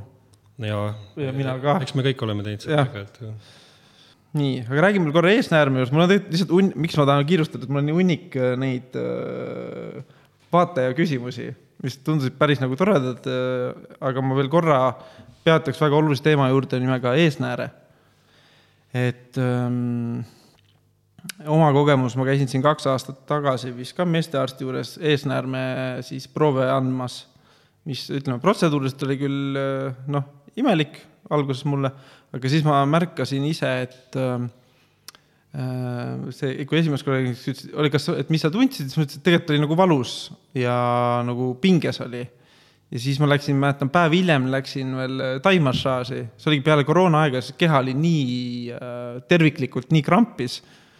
ja siis mäletan, kui teist seda proovi läks veel tegema, siis ei olnud enam nii valus, aga ikkagi see pinges olek äh, äh, oli tuntav ja siis ma saingi aru, et issand, et mul on nagu üks. mis proove sa andsid, kui äh,? eesnäärme vedeliku ah, okay. proovi siis või, kui ka spermaproove, uurisin oma siis uh -huh. sper spermapoisse ja eesnääres, nääred siis. sealt avastasin ka mingeid asju oma noorpõlvest tehtud vägitegudest, õnneks kõik on hästi, aga väiksed niisugused ohumärgid olid. aga mis ma siis avastasin, et eesnääre on, mina ei ole seal talle kunagi tähelepanu pööranud ja ma vist enam ei tahaks minna niimoodi otseselt me, niimoodi kellelgi teisel laskma, aga mida ma hakkasin peale seda tegema aeg-ajalt, paar korda aastas, et ma ise masseerin enda eesnääret ja kunagi ma mäletan, üks äh, teine sõber, kes on ka sihuke, ütleme, ma ei tea, kas õige öelda, et tantraga tegeleb ja siukse spirituaalse poolega ja värki ja siis äh, ta tegi alati nalja, et pange endale näpp perse. ja siis ma alguses naersin sellele kaasa ja siis oma, ma ei olnud jõudnud veel eesnäärmeni, kuigi naljakas, et väga oluline osa jäi mul sealt äh, tantrast kaasa võtmata. et miks ma siis seda räägin? et tahad küsida vist, et kas seda peaks tegema või? üks asi, kas seda peaks, ma sain selles mõttes ise kinnitust, et see väga aitas mul äh, kuidagi nagu keha tasakaalu rohkem saada pingest nagu vabaks. no minu isiklik seisukoht arstina on see, et kui inimene ise tunneb, et talle see midagi hästi teeb, hästi mõjub, siis jumala eest ta võib seda teha. aga noh, minu teadmist mööda nagu meditsiinilist vajadust selleks ei ole, kui sul ja. ei ole seal mingit haigust või mingit probleemi mm, -hmm. et, et, et, et teadlikult siis ma nüüd hakkan masseerima, sest et ma, see ei ole nagu otseselt vajalik. et profülaktika nagu, mõttes nagu, vahepeal massaažis käia? seda nüüd ei ole kindlasti vaja teha, profülaktika mõttes pead sa elama tervet, vaimset, füüsilist, tervet elu, tegelema regulaarse sugueluga, väljutama, vältima seksuaal, seksuaal, suguhaigusi ja sellest nagu tegelikult piisaks, aga okay. ma ütlen veelkord, et inimene, iga inimene on nagu natukene erinev, et me mm. ei saa nagu, mõnele see võib-olla tõesti on hea ja siis mm. me ei saa öelda, et see on vale mm, -hmm. kui see sulle hästi mõjub. ma lihtsalt vaatasin, et, nagu ava-, et nagu, et jah, et kas nääre on midagi, mis vajab stimuleerimist füüsiliselt või ta on ikkagi nagu, kuidas öelda noh, selle asja iva on ju see, et äh, see eesnääre toodab sekreeti, mil, mis moodustab osa siis seemnepurskel tulevast vedelikust, ehk et ta on selgelt selline seksiga seotud. ja juhul, kui on regulaarsed äh, seksuaalvahekorrad, toimub regulaarne seemnepurse, siis see eesnäärega tõesti tühjeneb, et see sekreet pääseb välja. massaaži idee on rohkem võib-olla nendel juhtudel, kus näiteks ei ole suguelu või on väga raske jõuda seemnepurskele, mingid kroonilised eesnäärmepõletikud siis täna on ta tõesti mõnel juhul ka nagu meditsiiniline sekkumisvõimalus, juhul kui me ravimitega, muude tegevustega ei suuda näiteks põletikku ravida, siis on ka selline tõenduspõhine teadmine olemas, et tõesti eesnäemassaažid võivad ja noh, ka kogemuse järgi tõesti aitavad hästi, aga kindlasti ta ei ole soovitus, täitsa doktor Krabiga nõus, et mida peaks kindlasti igaüks tegema. ma pea. muidugi mõtlen, et võib-olla see sinu äh, soovitus, et vaata, kuna sa oled selle esoteerika maailmas sees ja ma olen ise nagu lugenud ja ka kuulanud podcast'i, ma Tom Valsbergilt ja veel mõnelt selliselt äh, palju tsiteeritud ja kuulatud äh, inimeselt, kes, keda võetakse palju eeskujuks, siis räägitakse palju tantras ja muus esoteerika maailmas sellest mm -hmm. äh, mitte ejakuleerimisest ja kuidas ja. siis see energia äh, läheb pähe ja ära ejakuleeri, et siis see kuidagi tekitab sinus mingi see energia jääb sinusse ja, ja kosmosega saad osaks ja siis sa oled palju võimsam füüsiliselt ja vaimselt, et et arstina ma ei nõustuks sellega et pigem noh, siis võib-olla peadki masseerima ennast ise, eks ole. Aga ma ütlen, et äh, ma ei hakka oponeerima siin Valsbergi või teiste juttudele, et äh, las see olla nii ja ma olen nagu mõlemat saanud ja. kogeda, et ikka, ikka pikk mittetulemise periood, kus olla ise samal ajal seksuaalselt aktiivne, siis tõesti oled nagu siukse raketikütusega elad ringi nagu, päris äge. Aga samas. aga riskid prostatiidiga? mis? riskid eesnäärmepõletikuga? jah, tol hetkel ma ei mäleta, kas midagi oli, aga, aga nagu see oli nagu põnev, nagu põnev katsetus, eksperiment nagu, mida on võimalik kogeda, aga et äh, ma ise ei näinud, näinud seda vajadust hoida sellist äh, sellist nagu kütusega iga päev sõita, aga meil vahepeal oli päris nagu, päris tore noh, siin ka inimese keha ise mõnikord reguleerib selle, toimuvad iseeneslikud öised seemnepursked, see on ka mingi just. märk sellest, et et kas on jäänud suguelu liiga harvaks näiteks mm. -hmm. et õnneks keha oskab ise ennast aidata, et mm -hmm. selles mõttes tõesti eesnäeme tervise jaoks on selline nii-öelda seemnepurskega lõppev suguline vahekord ja regulaarne suguelu kindlasti hea ja kasulik. Mm.. on ju uuringuid ka, mis on näidanud, et need mehed, kes elavad regulaarset suguelu, on ka eesnäme vähirisk madalam, eesnäme põletike risk madalam ja noh, võib-olla ka need eesnäme healoomulise suurenemisega seotud kaebused on, on, on, on väiksemad, erinevad kusemishäired. Teiega peaks osa kaks tegema. Et küsimusi on tõesti palju, aga ma vahepeal toon niisuguse asja juurde, palju te arvate, arvate, et et see noh, kuna eesnäärmevähk, ma sain aru ka guugeldades oli vist, ma ei mäleta, emb-kumbalt tuli see artikkel välja ka, et hästi, et üks sagedasem. kõige sagedasem. kõige sagedasem vähivorm Eesti meestel. üldse maailmas. üldse maailmas. no peale kop-, peale kopsuvähki. peale kopsuvähki, okei okay. ei, kopsuvähki nii e-, esmajuht ikka ei ole, et meeste puhul on ikka eesnäärmevähk ikka number üks. number üks ikkagi mm -hmm. jah, et mida avastatakse, aga ma veel kord ütlen, et eesnäärmevähi puhul on ta on eripalgeline, heterogeenne haigus, ta ei ole, tema puhul ei saa öelda, et kõik need tuhat juhtu aastas, mis avastatakse, kõik need on kohe, inimesed on, hakkavad surema või neid peab hirmsat moodi opereerima või muid hormoonkeemiaravi tegema, et ta on eripalgeline, pooled neist ei vaja üldse ravi, jälgitakse, osadel juhtudel ravitakse kirurgia, osadel kiiritusega, osad on juba kauglevinud, noh, see on eripalgeline asi ja väga spetsiifiline, et võib-olla täna sellest väga süviti ei ole mõtet minna siin. aga ma hüppan kohe ESO-sse. no hüppa. ma pullipärast guugeldasin, et mis energia on nagu seotud äh, siis kilp, mitte kilpnäärmega, eesnäärmega. ja see tuli päris huvitav nagu, mis nagu mind ennast kõnetas, need hetked, kus olid pingeline, on olnud eesnäärmega mingeid jamasid või tunnen, et seal noh, et see energia ei ole nagu hea, et siis, et, et ühesõnaga, et siis eesnäärme mured tekivad inimestel, meestel, kellel siis on ütleme, seksuaalselt tunnevad, et nad ei ole enam kasulikud. et nagu noortematel meestel, et siis nendes, kuidas öelda, viljakus ei ole enam soovitud kas naiste poolt või partneri poolt muud, ehk siis niisugune saamatuse pool. et mind ei ole vaja minu. seal see seos tõesti on, et juhul, kui ütleme, kas partnerlussuhtes on mingi kriis või, või ei olegi, eks ole, partnerit ja suguelu muutub väga-väga harvaks, siis see tõesti võib soodustada eesamepõletike tekkimist, et seal jah, seos on olemas, et see mm -hmm. võib nagu sellise läbi emotsionaalse äh, murega tekkida ja noh, sageli need eesnäemega seotud kaebused, siuksed ebamäärased valuaistingud alakõhus, munandites sellised ebase-, minimaalsed või mõnikord ka väga olulised nii-öelda urineerimishäired on kindlasti sellise nii-öelda psüühikaga ja vaimse tasakaaluga vägagi seotud, et kui sul kaasuvad on ka depressioon või ärevushäired ja oled selles vanuses, kus juba võib olla ka eesmärk pahaloomuline kasv, siis kindlasti tekib noh, pähe vähemalt tuhat mõtet, on ju, ja üks neist on see, et nüüd ongi kuri haigus, eks ole, eesnäemes arenemas ja, ja siis kõik need kaebused ka võimenduvad, jah, et selline emotsionaalne stabiilsus kogemuse järgi on nagu ülioluline vaja, noh, jällegi vaja saavutada, eks ole, koos, koos inimesega, arstina, et nende haiguste kaebused taanduksid ja kui me räägime põletikest või, või, või ka urineerimishäiretest teine pool, mis seal ütles huvitav, et, et kui mees enam ei ole, siis ütleme, ei tahagi enam lapsi saada, siis äh, teist, teine hetk, millal tegi siis eesnäärme jamad tekkima, on kui äh, minnakse pensionile, ehk siis lõpetatakse oma ameti, amet ära ja siis ka nagu eriti mees, kes on pühendunud äh, oma ametile, ma natuke kiu- kiusan teid, sest kui ma alguses küsisin seda teist poolt, kes te olete, et siis noh, sa ise sa tõid esile, et palju defineerid ennast töö järgi. Et siis paljud mehed, kes nagu töö lõpetavad ära, tekib seesama, et nagu mis pensioniealiselt, mis mind nüüd vaja on, eks ju.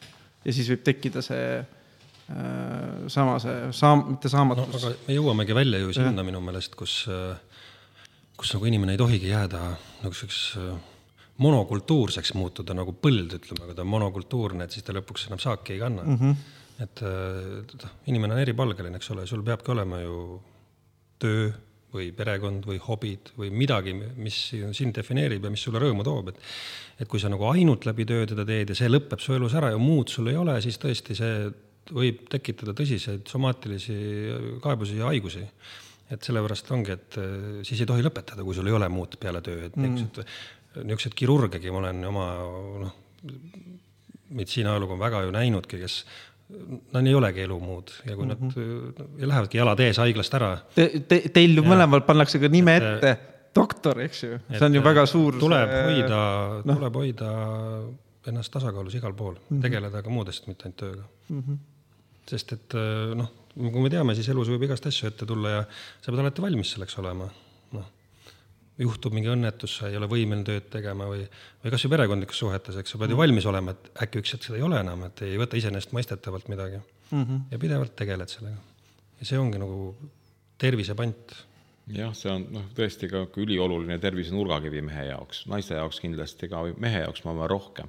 et sul on see sotsiaalne võrgustik, kes, kes sind hoiab nii-öelda ka ärksana, eks ole, vaimses mõttes, et sul on motivatsioon lisaks oma töö tegemisele, mis võiks ka pakkuda kirge ja väljakutset ja sellist noh, luua energiat, aga kindlasti on oluline see sõpruskond, muu lähi nii-öelda sotsiaalne võrgustik, et see reeglina need mehed, kellel on pere, kellel on sõp-, sõpruskond tugev, on ka parema tervisekäitumisega ja parema tervisega ka selle juures. nii et tasub, tasub sõpru hoida, et see on ka üks selline meeste jaoks oluline mm, -hmm. oluline märksõna. seda on ju ka uuritud, et noh, näiteks vanemad inimesed, paar, mees ja naine, mees sureb kõrvalt ära, mida ta üldjuhul teeb varem kui naine mm, -hmm. siis ega noh, naine elab ikka edasi ju, miks ta elab edasi, et elab edasi, et tal on väljaspool abielu ja tööd ka mingi elu näiteks sotsiaalsed suhted. mehe puhul see tihti nii ei ole, et tema nagu ei saa enam oma eluga hakkama nii väga. kahjuks. Ja noh, õpitud abitus ka muidugi, et tihtipeale naised võib-olla natuke juba rikuvad mehi ära ka, et äh, ikkagi liiga palju teevad asju ette ära ja korraldavad ära ja et niisugune äh, ületoimetav naine või ületoimetav paarissuhe pole ka hea mehele kokkuvõttes, et tulevad arsti juurde sulle ja siis ta ise ei tea midagi, et naine teab kõike, naine teab ravimeid, naine teab, kuhu peab minema, et noh, see ei ole ka mehe tervisele hea mm -hmm. laias vaates. ma hüppan nüüd siin rahva küsimuste sekka. küsin, proovin kiirelt küsida, ei pea väga pikalt vastama, no tegelikult ma ei pane mingeid piire siia, et äh, no vasektoomia kohta küsisid päris paljud inimesed, sest minu jaoks ta on nagu, ei ole aktuaalne teema veel, siis ma pidin isegi guugeldama, mis see täpselt tähendab. kui vana sa oled? ma olen kolmkümmend viis no näed, sul juba võib. võib, aga ma ei taha. et kas, ühesõnaga, kas peale vasektoomiat on võimalik lapsi saada ja kuidas selgeks teha, kas, kuidas selgeks teha, kas üldse on võimalik? ma võib-olla räägin selle kirurgilise poole ära, et siis doktor Pommil on kindlasti rohkem rääkida sellest vasektoomiast, aga ma ise oma praktikas näen seda juba võib-olla viimase kümne aasta jooksul, et vasektoomiate arv on sagenenud, neid inimesi, mehi tuleb, kes tahavad vasektoomiat saada, nad on eelnevalt selle ära guugeldanud, mõtestanud, kodus rääkinud ja noh, see on nagu kirurgiliselt ka nagu kerge või noh, lihtsam lõikusprotseduur. mis on siis, lõigatakse see midagi läbi? see, see on äh, ductus deferentside või seemnejuhade sulgemine munandikoti tasemelt põhimõtteliselt. et äh, seemnerakud ei pääseks siis enam edasi ja siis noh, ei saa nagu aga mis nad teevad siis seal, jäävad ringlusesse? ma räägin, ma räägin sellest kohe ka. ja see on sagenenud ja see on ka üks võib-olla põhjus, miks see on sagenenud, on see, et ongi tekkinud rohkem suurem sugudevaheline võrdsus, võib-olla mehed on ka natuke teadlikumad, et nad ei defineeri ainult läbi selle, et ma kindlasti pean olema viljastamisvõimeline, et naine, mine sina ise lase endale munajohad kinni panna ja et munajohade sulgemine ka laparoskoopiliselt ei ole ka keeruline operatsioon, aga noh, tal on ikkagi potentsiaalselt teoreetiliselt suuremate riskidega ja natuke sügavama narkoosiga tegevus ja need mehed käivad ja on täitsa teadlikult, ütleme, seal on seadus raseduse katkestamise steriliseerimise seadus, mis reguleerib siis äh, steriliseerimist ehk vasektoomiat nii naisel kui mehel, et seal on nagu kindlad kriteeriumid, mille alusel seda saab teha. peamine on siis see, et kolmkümmend viis või vanem või kolm last või rohkem on põhiasjad, eks ole, või noh, läheb paar asja edasi veel, mis on. ja kas on ka tulnud mingi kahekümne ühe aastane noormees, et tehke vasektoomia, ma tahan hullu panna? seda me, aga mina isiklikult olen alati üritanud inimesi ümber rääkida, sest ma alati mm. räägin neile näiteid ka oma praktikast, kus on tulnud, ütleme, viiskümmend pluss kuuskümmend mees, niisugune edukas heal järjel ähm, teisel-kolmandal ringil noore naisega, vasektoomia tehtud, naine tahab last saada, tahaks ka võib-olla saada, küsib, kas on võimalik, noh, siis tegelikult need äh, võimalused on suht piiratud, et et operatiivsel teel nüüd vasavasotoomiat ehk seemnejoade ühendamine, Eestis me ei tee seda, see on mikroskoobi lõikus, selle tulemused, isegi kui teha teda palju ja teha teda hästi, on ikkagi väga halvad, ütleme viiekümne protsendise tõenäosusega see üldse õnnestub. see mak-, tasuline lõikus üldiselt on ka läänemaailmas mm, -hmm. ma mäletan, mõned aastad tagasi ma vaatasin, siis Inglismaal oli kümme tuhat naela vist. ja teine variant on võtta munandi biopsia, aga seal on muidugi see asi, et auto, antikehad tekivad spermatosoididel. munandi, mis asi? munandi kotist võtta tükk ja siis otsida mikroskoobi all seemnerakud sealt, see spermatosoidid välja. aga see, noh, pomm võib pikemalt rääkida, et see tulemuslikkus ei ole väga hea just nende antikehade tõttu, on mul õigus või? et autoantikehad tekivad, mis ju, see sperma peab ju kuskile ju kaduma nii-öelda, ta ei saa ju seal juurde tekkida, no siis organism reguleerib nii, et hakkab neid nagu immuunsussüsteemiga äh, nii-öelda hävitama või likvideerima. see kõlab nagu ka nagu ka minu peas on kahtlaselt. Äh, miks? sul ju pidevalt immuunsüsteem töötab, võitleb ju viirustega bakteritega, võõrvalkudega. ei, ma mõtlen, et, et oma spermat hakata nagu või ma öö, noores vanuses veel hindan liiga kõrget oma spermat, et siis vanemas eas võib-olla jah.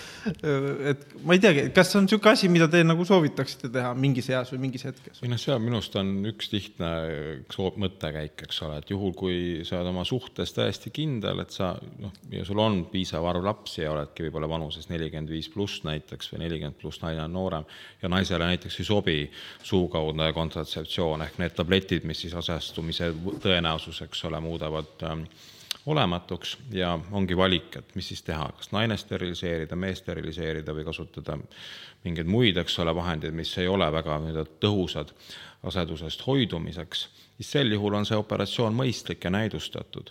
lihtsalt emotsiooni ajal seda teha kindlasti ei tohi.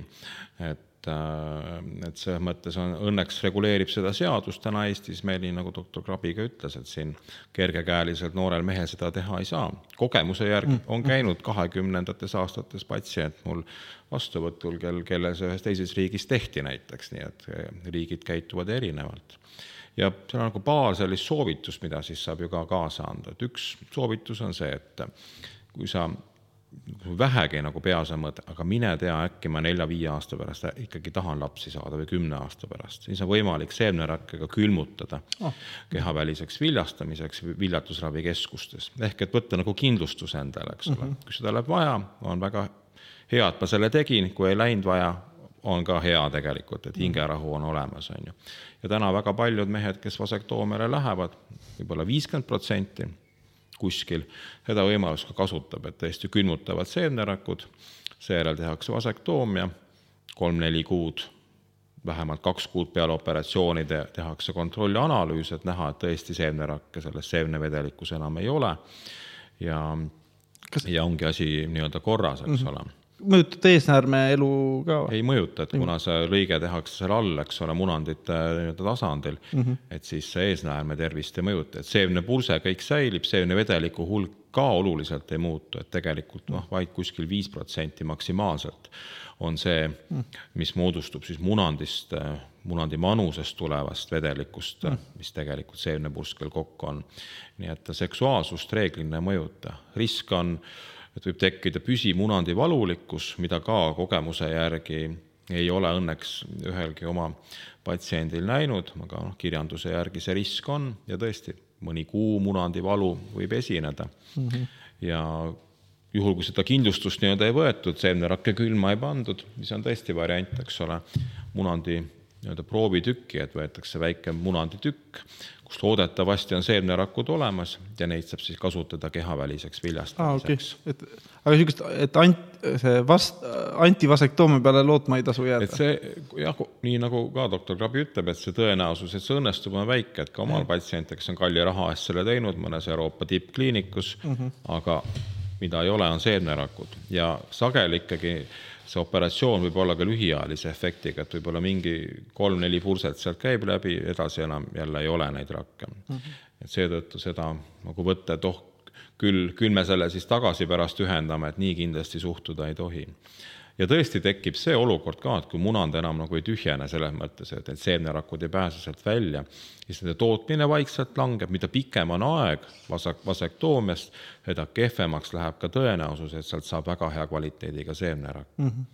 üldiselt selliste nii-öelda sulgusega olukordades, kus seemnerakk ei ole, et on, lõigatud need seemnejuhad läbi, on tõenäosus saada seemnerakud operatsioonil väga kõrge protsendiga, üheksakümmend pluss mm. -hmm ja oluline on jälle ka teada, et kehavälise viljastamise kui ühe korra proovimise tõenäosus on kuskil kolmkümmend protsenti maksimaalselt, ehk et et, et ka see kunagi ei ole sada protsenti, on ju, et, et küll ma siis saan tulevikus. ehk et enne vasektoomiat kindlasti on vaja sellist sajaprotsendilist, on ju, meelekindlust ja selget tahet, et jah, ma ei soovi enam lapsi saada, mul on neid kolm tükki olemas ja ma olen sellega õnnelik üks äh, naisterahvas küsis, et äh, meeste siis niinimetatud antibeebipillide kohta veel.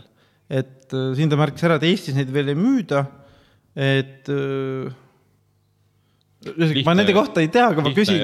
lihtne ja kiire vastus on, et täna ei ole kuskil Euroopa ega maailma riigis ühtegi tabletti või ravimit, mida saab kasutada mehe, mees naise rasestumisest hoidumiseks mm., et ei ole sellist ravimit mm.. Tõesti, alkohol ja sigaret. jah, ütleme laastav eluviis, eks ole, aga see kindlasti ka ei toimi, et hea sellise reproduktiivtervise nii-öelda eeldusega mehele see kaheks ole ei aita, et see kindlasti ei ole viis, on ju, kuidas hoida mm. -hmm. aga täna veel ei ole, et üle, üle kahekümne aasta on proovitud leida sellist ravimit, aga uuringutest äh, nii-öelda tegeliku ravimi kättesaadavuseni veel ei ole jõutud ja ka ei paista, et see niipea juhtuks. Mhm. okei okay.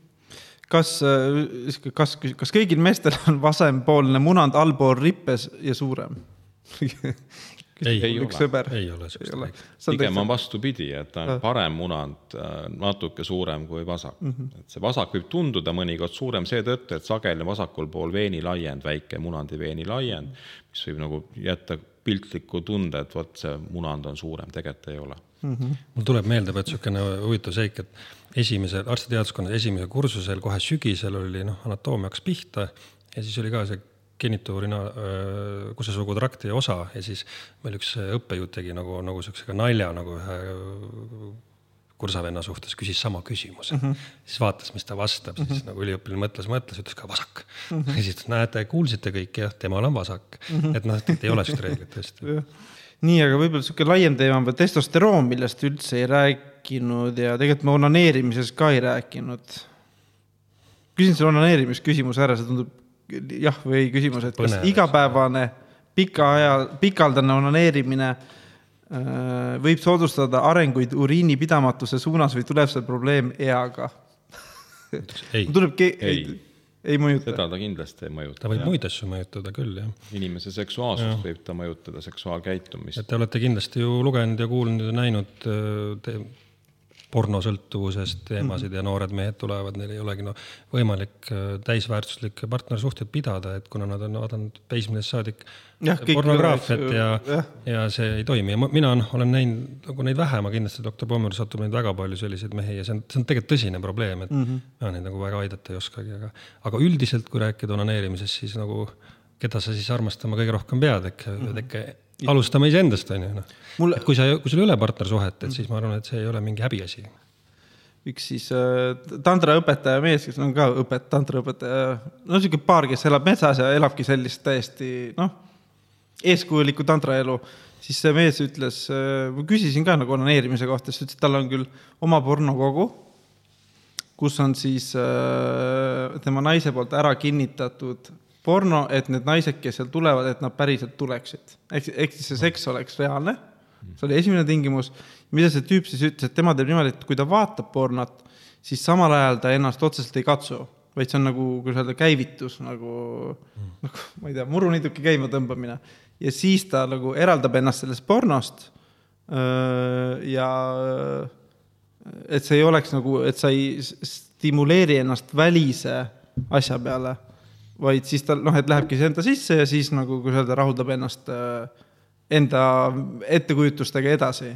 et see oli päris huvitav nagu tehnika, et siis ma olen ka mõelnud, et et võib-olla öelda, et, et see porn, et inimene, kellele meeldib pornot vaadata, et vaata porno ära. kus me teame, milline see tema sisemine ettekujutus tegelikult on, et äkki ta ikkagi mõtleb nende samade piltide ei, ta võibki mõelda samade pilti peale edasi, aga oma sees. et siis see kogemus on nagu võimalikult lähedane äh, reaalsusega. Et see siis ei, noh, ma ise vaatan tihti peale porno, peale masturbeerimist tekib sihuke tühi tunne, et midagi on nagu puudu et siis ja kui ma lähen nagu. no aga ega seks ei olegi ju, kuidas ma ütlen siis, seks ei ole ainult füüsiline akt, et see on ju ammu teada, et, et seks ilma tugeva lähedussuhteta või noh, nimetame seda armastuseks näiteks inimese vastu, on, ei ole ju, ilma selleta ta ei ole ju pooltki seda väärt, et siis ta on noh mm., seks ilma tunneteta ei ole ju selline seks, et ja noh, see on kõik seotud, ega mehe seksuaalsus no, ei ole nokku, ei ole erektsiooni ja, ja see on kõik seotud aju, seljaaju, kesknäristööm, hormoonid, kõik. et soovitaks igal mehel iseendaga minna voodisse, nagu ta läheks ilusa naisega või noh, et nagu. et ma soovitaks igale mehele minna oma naisega voodisse, kõik kõige ilusama naisega maa peal. Jah, aga kui tal ei ole selles mõttes paaris vahet, eks ju, et, et siis võib-olla, et, et. aga liigne enesearmastus muidugi võib ka paha olla. on testosteroonist veel, et äh, kuidas see vanus mõjutab elustiil, mis asi on testosteroon äh,? kuidas seda endal tõsta, kas peab tegema testosteroonisüste, mis vahepeal siin mingi, ütleme, biohäkkerid äh, proovivad nagu ära häkkida, et mis tegelikult jah, ma kuulen tihti selle kasu, sõna testosteroon või ka ise kasutan, aga tegelikult mina ei tea mis tegelikult no, tegemist on meessuguhormooniga, mis on, see on selles mõttes üli, ülioluline. ülivõimas äh, biomolekul, ütleme, on see, sellepärast räägitakse mm. -hmm. ja see saab alguse munanditest või? jaa, seda toodavad üheksakümmend viis protsenti androgeenidest, meessuguhormoonidest on pärit munandist, viis protsenti tuleb neerupealistest tegelikult ka okay.. aga väga väike osa, enamus on tõesti pärit munandist ja on teda tegelikult juba vaja seal nii-öelda üsasiseses perioodis, kui naine alles ootab oma poisslast, siis tegelikult seesama meessuguhormoon on selleks vajalik, et mees areneks selliseks, nagu mees olema peab, et tal tekiks normaalne peenis, eesnääre, kõik muu nii-öelda sugu, suguelundkond. karvakasv on seotud? ka karvakasv on seotud testosterooniga. et selles mõttes on ta mehe jaoks ülioluline hormoon ja täiskasvanu eas, mida ta nii-öelda mõjutab, on tõesti selline igapäevane nii-öelda hakkamasaamine, olemine, et ta on seotud nii inimese seksuaalsusega, füüsilise jõuga, tegelikult ka kognitiivse, eks see vaimse võimekusega, et juhul, kui meessuguhormooni tase muutub madalaks, siis esimesed aistingud, mida mees võib-olla kirjeldab ja mis paneb mõtlema, et midagi on valesti, ongi see, et nagu huvi suguelu vastu kaob ära, kuidagi ei viitsi midagi enam ette võtta, tekib mingi apaatsus, selline tühi, tühi tunne, tahteaktiivsuse langus, pluss see, et võib-olla treeningust enam ei taastu nii hästi. ja on teada, et ta noh, kuskil ütleme, üks protsent aastas, neljakümnendast eluaastast hakkab inimese keha järjest vähem testosterooni tootma, et see langus on väga aeglane. Mm.. ja nüüd see, kas see avaldub mingite hädadena või mitte, on vähemalt pool on mehe enda teha Need, kes on ülekaalulised, see langus on oluliselt tugevam, jah mm, -hmm. et tõesti rasvunud mehel on väga sageli testosterooni tase ka madalam. ja see ei ole nii, et see on seal kahekümnendates, kolmekümnendates eluaastates, et mingist vanusest seal kuskil keskeast, nelikümmend, viiskümmend, kuuskümmend, see ikkagi lõpuks nii-öelda realiseerub sellena, et tekibki siis selline hüpogonadism ehk madala meessuguhormooni tase, mida on võimalik ravida tänapäeval, jah, ravivõteteks üks on kindlasti see, et kui on tegu mingi eluviisi teguriga, ülekaaluga, siis soovitus või aitamine selleks, et inimene oma kaalu korda saaks. lisaks normaalne füüsiline liikumine, ka ööpäevane unerütm on ülioluline siin, et kui pidevalt nii-öelda üle töötada, magada viis tundi, kuus tundi kuude kaupa, siis see tegelikult kurnab inimese keha nii nagu kurnab ka selline võib-olla ekstreemspordiga tegelemine väga pikkade perioodide jooksul, et Ironmanilt Ironmanile mitu kuud jutti, et see tegelikult mehele ei ole hea ja meessuguhormoon sellise suure füüsilise koormuse puhul ka langeb mm. ja siis tulevad appi ravimid, jah, on noh, erinevaid kavalaid nii-öelda ravivõtteid, kuidas inimese oma keha panna ka efektiivsemat meessuguhormooni tootma. mis see sihuke, ütleme käegakatsutav, ma ei tea, minu jaoks oleks mingi tegevus või toit või noh, tantras öeldakse, et söö porgandit ja söö paljast riisi, et noh, et ja väldi komme, noh, magusat. no tegelikult see toitumise mõttes on oluline, et ei oleks ka äärmuslik dieet, eks ole, kust jätta valgud, rasvad välja, et inimese kehas on neid kõiki aineid vaja mm -hmm.. meessuguhormoon toodetakse kolesteroolist inimese kehas mm, -hmm. et kui jääda, pidada tõesti sellist ainult nüüd kapsadieeti mitu kuud, siis see ka kindlasti ei ole hea, väga järsk kaalulangus, eks ole, kuidagi enese piitsutamine, kaalu nii-öelda alla normi liikumine. Võib täiesti hormoonsüsteemi inimesel äh, pea peale ajada ja tekkida häda, et selline tasakaalustatud toitumine on kindlasti üks asi. teine on see, et vaadata, et töö ümbermõõte ei oleks üle meetri. No,. et kui see raskude on liiga nii-öelda suur just kõhupiirkonnas, siis sealt tuleb ühte ensüümi, mis inimese kehas toodab siis naissugu hormooni, meessugu hormoonist ja tänu sellele siis tõuseb naissugu hormoon ja langeb meessugu hormoon. ehk et see ülekaal, just nimelt rasvumine nii-öelda kõhupiirkonnas, on, on siin märgiline. ja jällegi, kui see loogika nagu mehele ära seletada, siis see sageli käivitab ka nagu tegevused ja valmisoleku, et ahah, kui see nii on, no järelikult ma pean, on ju, alla oma kehakaalu saama. kas on mingid asjad, mida kindlasti ei tasu teha, näiteks noh, mina, minu tea-, minule teadaolev müüt, et ära joo õlut, et õlus on naishormoone palju või mingid no, siuksed asjad, et. noh, liigne õlle joomine nagunii ei ole hea, eks no, ole, aga jah, ei saa öelda, et siin noh, tänapäeval tõesti neid nii-öelda fütoöstrogeene, et kus sa saad toitu, toidust, ütleme, soojaõli näiteks, soojatooted ei ole ka soovituslik püsivalt, eks ole, kasutada mm. -hmm ftalaadid, mis on kilekottides või, ki, või kilepakendis, plastikpakendis, eks ole, on ka nii-öelda kahjulikud. ftalaat, ftalaat. mis on plastikpudelites näiteks, eritub, eritub vette, inimene joob seda, see mehe reproduktiivtervisele mm. mõjub halvasti, et noh, kõike nagu, panna nagu keskkonna süüks kindlasti ei tohi. me jõuame minu meelest tagasi jälle sinna tasakaalu juurde, et ei tohi mm -hmm. nagu äärmustesse laskuda toitumisega, eluviisidega, kõikide asjadega, noh tasakaal on kõige alus. ma, üks huvitav mõte veel, sest ma ei tea, kas on niimoodi, et kas äh, Eestis on hästi palju lammedat maad, vähemalt siin Põhja-Tallinn, Põhja-Eestis. et äh, siis ma olen vahepeal mõelnud, et äh, ühest meestelaagrist mäletan, pidime ülipalju minema, kõndisime üles-alla, üles-alla, et äh, siis äh,, kuidas öelda äh,, mis lihas see siin? reie nelipea liha. ei, see tagumiku ja munad või see alumine osa. Vaagna põhjalihased. Vaagna põhjalihased, just mm, et Vaagna põhjalihaseid nagu aktiveerida ja treenida. siis ma mõtlesin, et võib-olla Eestis ongi sellepärast halvasti, et mägesid on vähe, et ei käida äh,, ei käida palju üles-alla no Vaag, kas... Vaagnapõhjalihaste treenimiseks ei ole alati vaja üles-alla käia, on ka teised võtted olemas ja need on ka internetis vabalt kättesaadavad. Mina isiklikult nagu kasutan ju neid pidevalt peale eesnäärmevähi lõikusi on vaja inimestel Vaagnapõhjalihastreeningut teha, selleks füsio-, noh ma küll ise nüüd ei juhenda neid nii konkreetselt, aga füsioterapeudid on osad spetsialiseerunud lausa sellele. aga kui nüüd nagu laiemalt vaadata, siis vaagnapõhjalihaste treenimine on ka mitte haigel mehel või mitte eesnäärmevähk omaval mehel või lõikusjärgsel mehel mõistlik treenida, see mm. parandab suguelu, see parandab palju asju ja ka naistel samamoodi, et. no kuidas seda teha, lihtsalt? on niisugused harjutused olemas, võid lüüa Google'isse sisse, et pelvic floor exercises mm -hmm. for men no,. et lihtsalt mm -hmm. toimad sisse ja noh, saab igal pool teha, eks ju.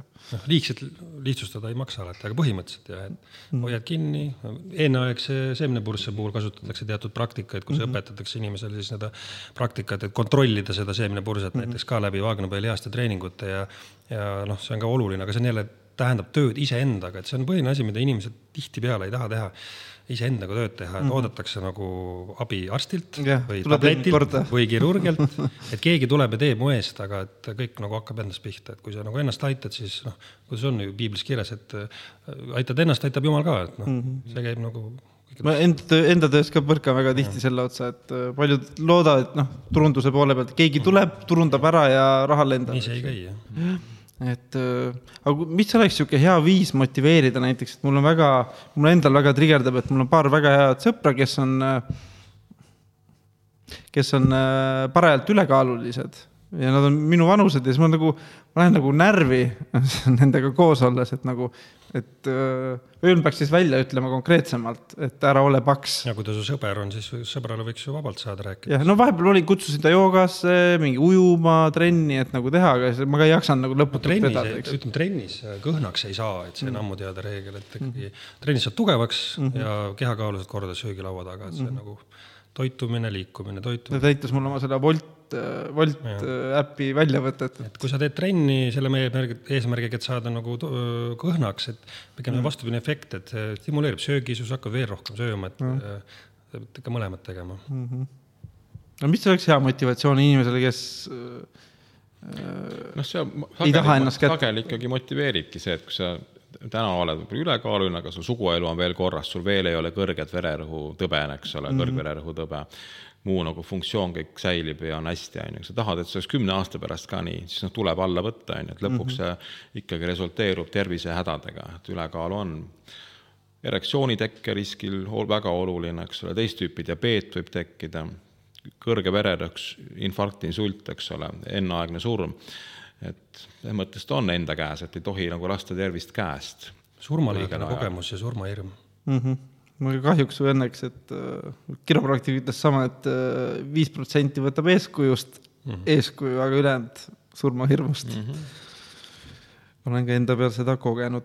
kiirelt veel küsin üle, see on, mille peale mina ei tulnud, on ka igasugused fetišid ja mingi soolavee süstimine peenisesse, et see suuremaks saada, kas teil, kas Eestis on ka selliseid äh, juhtumeid või? Teie juurde satuvad no, mõnikord kes... satub, et inimesed on ise ravida, ravida ennast mingisuguste võtetega, et see kindlasti ei ole mõistlik, on ju, ise peenisesse midagi süstida. nii nagu pole ka ise mõistlik, on ju, kuskilt testosterooni nii-öelda mustalt turult osta ja hakata seda kasutama, et seda kindlasti ei tohi teha, et seal on väga suured terviseriskid ja need tuleb enne nii-öelda inimene üle kontrollida, et kas talle sobib, mis annus sobib. ja noh, rääkimata nii-öelda kodukirurgiast, et seda ikka ise tegema ei, ei ole mõistlik mitte mingil juhul hakata mm. -hmm. kas näiteks, mis need oli siis need ma ei tea isegi, mis need on, aga ütleme, riistarõngad või mingid muud asjad, et no peeniserõngal on oma koht olemas, et see tegelikult aitab hoida verd peenises, juhul kui on erektsioonihäire, mis on võib-olla nagu seotud sellega, et selline venoosne tagasivool tekib, ehk et see veri ei püsi seal peenises nii hästi, siis tõesti, see peeniserõngas on lihtne vahend mm., mis võib aidata, on ju, suguelu elada. samas on ka ülioluline, et seda õigesti kasutada, et ei unusta seda peale mitmeks tunniks mm., ööpäevaks, et see lõpp, lõpp, lõpeb väga halvasti mm. -hmm. või ise kodus teha millestki see rõngas, et see võib mm -hmm. ka mhm. väga halvasti sisse soonida ja tekitada igasugu nii-öelda muresid, eks ole, peenisele kahju teha mitu, mitu nokut olete pidanud äh, maha lõikama? ütleme maha, on niisugune haigus nagu peenisvähk ka muidugi olemas mm,, mis on nagu lähedalt seotud emakakaelavähiga, et võib-olla mm. sinna ka ei laskuks, see on jälle laiem teema, aga äh, trauma, jah, trauma järgselt peenist maha võtta ikkagi üldiselt ei pea, aga tõesti, mina oma praktikas olen pidanud äh, kaks korda on olnud juhus, kus on tekkinud peenise nekroos samadel põhjustel, et rõngas on peal või süstitakse naha alla endale ebasteriilselt või valesid asju ja tekib nii tugev pehmete kudede põletik, et seda peenist äh, sul ei ole enam, et ma nagu soovitakski meestele, et kui tahad ise nagu tegeleda endaga, et siis võid arvestada, et võid nagu peenisest ilma jääda. et see on võib-olla ainuke asi, mida üldse, ahah, mul juba selle mm -hmm. vehitakse käega, et mul patsiendid. ei, siin ongi lõpp, jah ja., lõpp läks eriti ruttu. ma siis küsikski niimoodi, et äh, mida nüüd üks mees, kes kuuleb ja tahab tegeleda oma tervisega, et äh, kas ta, kust ta nagu saaks niisuguse hea alguse või ülevaatuse, et? Äh? mina ütleks alati, et esimene kontakt ikkagi peaks olema perearst, aga on erinevad põhjused, miks ei taha inimesed perearstile, mehed eriti nagu rääkida oma asjadest. ei, ma mõtlen, kui ei ole veel nagu probleeme, noh, ütlesid ennetus. ja ka siis perearst ah,. Okay. jah, või kui ta ei taha perearstiga ennem suhelda, et kes nõustaks teda olema terve, mitte ülekaaluline, mitte hüpertoonik äh, ja nii edasi, et siis no. ta võib pöörduda alati androloogi, uroloogi poole aga noh, lihtsalt tervisenõu võib-olla mõistlikum on alustada perearstist, kes saab suunata ja seda spetsiifilisemat nõu anda. sest mul enda perearst on, näeb välja kakssada pluss, seda mul, ma saan kõik telefonidel küsitud mm, -hmm. mul mõnes mõttes on hästi mugav, et mis ma tahan, ma saan, aga täiesti debiil, vabandust väljenduse eest, aga. sellepärast meil ongi ülihea partnersuhe meestearsti androloogidega, kes siis nagu sellega tegelevad ja vajadusel siis suunavad edasi ja mm, -hmm. ja, ja satub ka neid otse muidugi vastuvõtuks mm -hmm. mehi, aga meie tihtipeale ei oska jälle selliseid mehi nii hästi nõustada ja uurida nagu androloogid. siis me suudame järelikult nende juurde uuringutele, et see on niisugune püsiv suhe.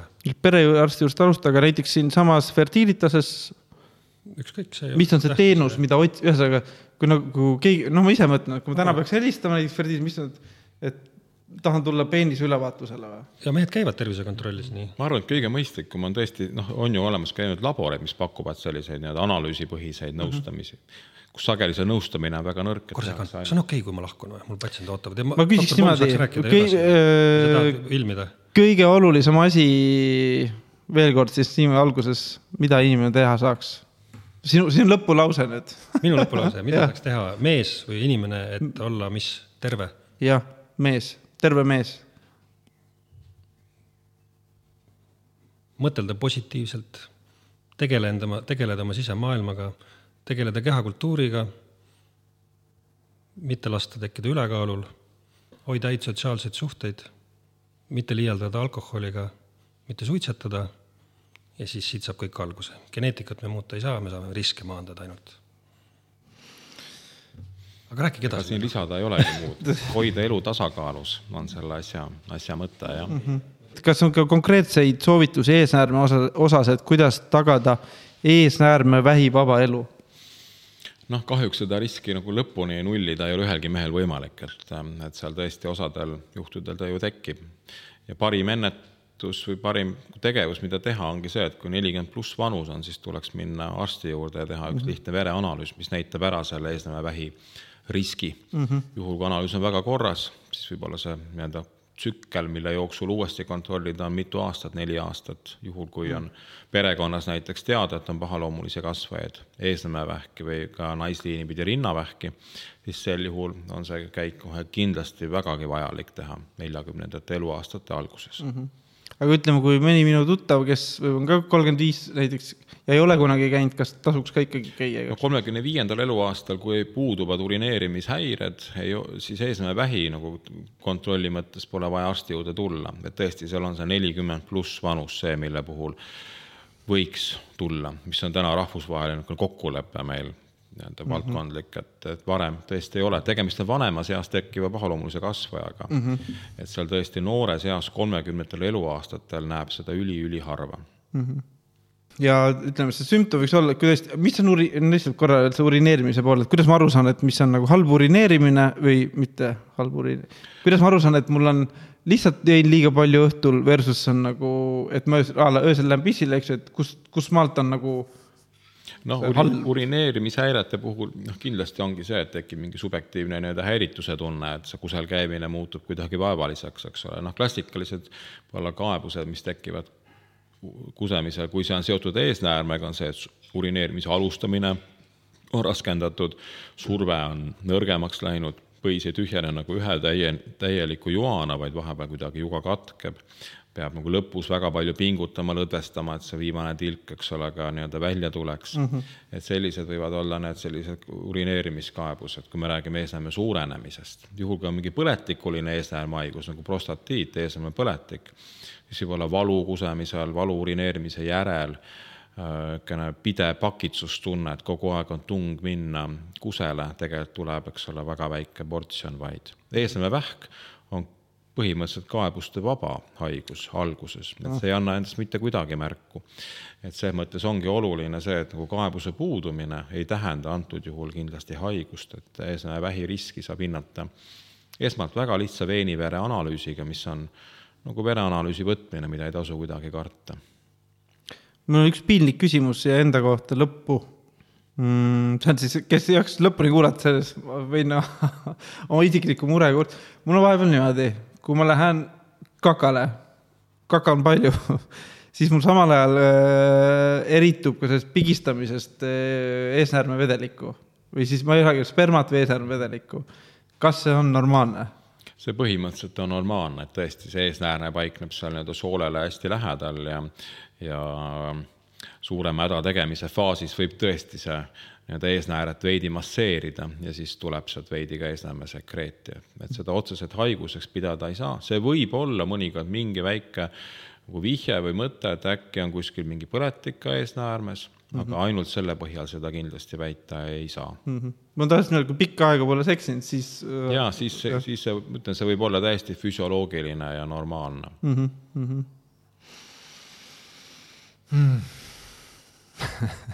-hmm. Hmm. kas on mingi küsimus, mida me ei küsinud, mida tasuks veel? ma arvan, et kind-, ei no kindlasti annab küsimusi välja mõelda veel jah, aga tule küll. et noh, see hormoonide asi sai äkki räägitud ja mm -hmm. testosterooni teema, sai vist või? enam-vähem küll jah, mõtlesin, et noh, et mida ise, noh, tasakaal. See testosterooni süstimine, mida ma olen kuulnud mingi päeva, kas seda tehakse? no kahjuks on see, kahjuks on see Äh, võiks öelda, et lausa nagu tõusev trend, et inimesed ise hangivad kuskilt testosterooni. No.. teadvustamata ühte olulist asja, kui sa ise süstid testosterooni, siis inimese keha saab sellise signaali, et ahah, nüüd on elu rahulik, munand ei pea mingit tööd enam tegema. Mm.. aga munand saab selle arusaamise, et pole vaja ka seemnerakke toota ehk et need mehed muutuvad tegelikult viljatuks mm.. et juhul, kui on plaanis, on ju laste saamine, siis selline hormoonasendus ravi, ise alustamine, ise testosterooni süstimine võib olla väga suur nagu karuteene mm -hmm. ja tekitada tõsise mure. kas sama käib siis nende, ütleme, jõusaali, mis see sõna nüüd on? steroide? jah, steroidid jah, anaboolsed steroidid jah mm, -hmm. just, et selles mõttes kahjuks on, on neid mehi aina rohkem, kes seda nii-öelda kasutavad ja, ja seal on palju terviseriske mõjutab see hormoon tegelikult ka vereloomet, veri muutub paksemaks, on ta maksale toksiline, lihasrebendeid, ka südamelihase hüpertroofiat, südamelihase paksenemist palju,, palju-palju terviseriske tekib, kui seda hormooni nagu arutult kasutada mm. -hmm. et seetõttu ta peaks olema ainult ja vaid ikkagi nüüd arsti poolt välja kirjutatuna ja kasutama nii, nagu see on mõistlik. Minu poolt viimane küsimus, mis on ma originaalis kirjutasin, mis on elu mõte, aga ma küsin, mis on mehe elu mõte? ilmselt siin ei ole ühest ja lühikest vastust, aga mingis mõttes on ju oluline see nagu rahulolu ja hingeline ja emotsionaalne tasakaal, et kui mees seda tunneb, et ta elus on asjad hästi, on ju, nii oma töö mõttes, oma pere mõttes, oma sotsiaalse läbikäimise mõttes, siis ongi kõik väga hästi mm. -hmm paremal juhul ei valuta ka kuskilt midagi ja, või kui valutab nat- ja see kaob ära, siis noh, ka näitab, et inimene on elus ja terve, eks ole, et päris valuvaba ei ole meist mitte keegi. et mingi väike tunnus kuskilt ikka või mingi koht võib kehast nagu aeg-ajalt endast märku andma. et seal ka oluline siis oma keha kuulata ja vajadusel ka arstidega nõu pidada. aga jah, vanaks saades kindlasti võiks olla see tunne, et on elatud õnnelikku, õnnelikku ja põnevat elu ja on mingi hea jälg endast maailma jäänud, et see võiks see tunne olla, millega mm -hmm. vanaduses iga mees nii-öelda oma mõtetes silmitsi seisab mm. -hmm. tore, kui oleks, kui ka lapsed on jah mm, -hmm. aga noh, ka siin, eks ole, on, võib olla enda valikuid, et, et ei soovi lapsi saada või võivad olla ka mingid haigused, mis on seda takistanud, et et see ei peaks takistama õnnelikku elu ka. just, et see ka ei tohi nagu takistada, et siin tuleb ka jälle mõelda, et, et ju siis on mingid muud asjad, milles ma saan maailmas hea olla ja oma elu, eks ole, elada õnnelikuna ka nii, et lapsi ei ole. aga kindlasti ma usun, et laste omamine on ühe nii mehe kui naise jaoks üks väga oluline selline õnne õnnegarantii mm. -hmm ma sain aru, et koerale, koerale ka tuleks lapsed saada, et siis koer tunneb ka ennast täisväärtuslikuna füsioloogiliselt, et. no olgu, päris äh, põnev saade, põnevad küsimused.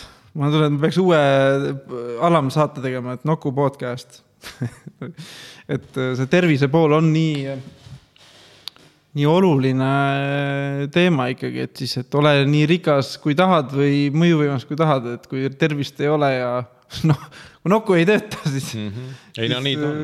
ei ole enam tore. et ega ilma terviseta nagu edu ja rõõmu ei ole, et see on mm -hmm. selge ja, ja siin tõesti on tarkus see, et tarkus mitte tervist käest lasta, on ju, mhm. et kaebuse puudumine ei tähenda, et ei pea profülaktika mõttes arsti juures käima mm. -hmm hea küll. See oli saade number kaheksateist. loodan, et saite endale või oma mehele äh, uusi mõtteid selle poole ma unustasin täiesti ära, et tegelikult see ju, et äh, see meeste tervis on nagu vaeslapse rollis. Äh, doktor Krabi tõi selle esile, et, et, et kui meil käidakse, eks ju ähm,, tänaval rindu uurimas või kaubanduskeskustes, et siis äh, veel meeste, meeste munanditele või eesnäärmele sellist äh, kauba, noh, sellist kontrollpunkti pole veel tehtud, et noh, ma arvan, et siin on ka nii, et tegelikult on ju neid, kui mõelda teistpidi positiivselt poolelt, et on ju väga palju selliseid nii-öelda aktsioone, ka kodanike ühiskonna enda algatatud ettevõtmisi, nagu Pikema sõpruse päev näiteks, mis juhivad tähelepanu just nimelt meeste tervisele. Hmm.. ja mille tulemusel tõesti meestearstina noh, ka näen, et järjest rohkem mehed tulevad ka profülaktika mõttes kontrolli. Ja tegelikult seesama eesnäeme kontroll on ju väga lihtsalt tehtav, nagu räägitud, vereanalüüs, mille sageli teeb ära perearst. Mm. -hmm ja kui on tahtmine seda ise kuskil teha, on võimalik tulla ka ilma saatekirjata meestearsti juurde või uroloogi juurde või minna mõnda laborisse, kus saab oma raha eest neid analüüse teha, et tegelikult see kõik on üsna lihtsasti ikkagi kättesaadav täna mm. -hmm. ja öelda, et nagu mees ei saa arsti juurde, kindlasti nagu ei, päde. loomulikult on kohati järjekorrad arsti juurde pikad, samas jälle, kui varuda aeg ja tõesti, et mitte oodata hetkeni, kuni kõik on üliajakriitiline, et kõik mhm. sada kaebust ja et siis tundub, siis tõesti tundub, et mitu nädalat oodata on väga pikk aeg mm, -hmm. aga noh, tegutsege ennetavalt, et siin on see lihtne, lihtne loogika ja mõte mm. -hmm. Kristjan, aitäh sulle! loodan, et äh, sul oli sama tore kui mul. oli. ja jah, kuulaja, kui sa said sellest äh, uusi mõtteid, pane vana hea like jaga saadet äh, mehele, kes ei ole oma tervise eest võib-olla hoolt kandnud või tunneb huvi selle teema vastu ja kohtume juba järgmises saates. aitäh, plaksuga. aitäh. korralik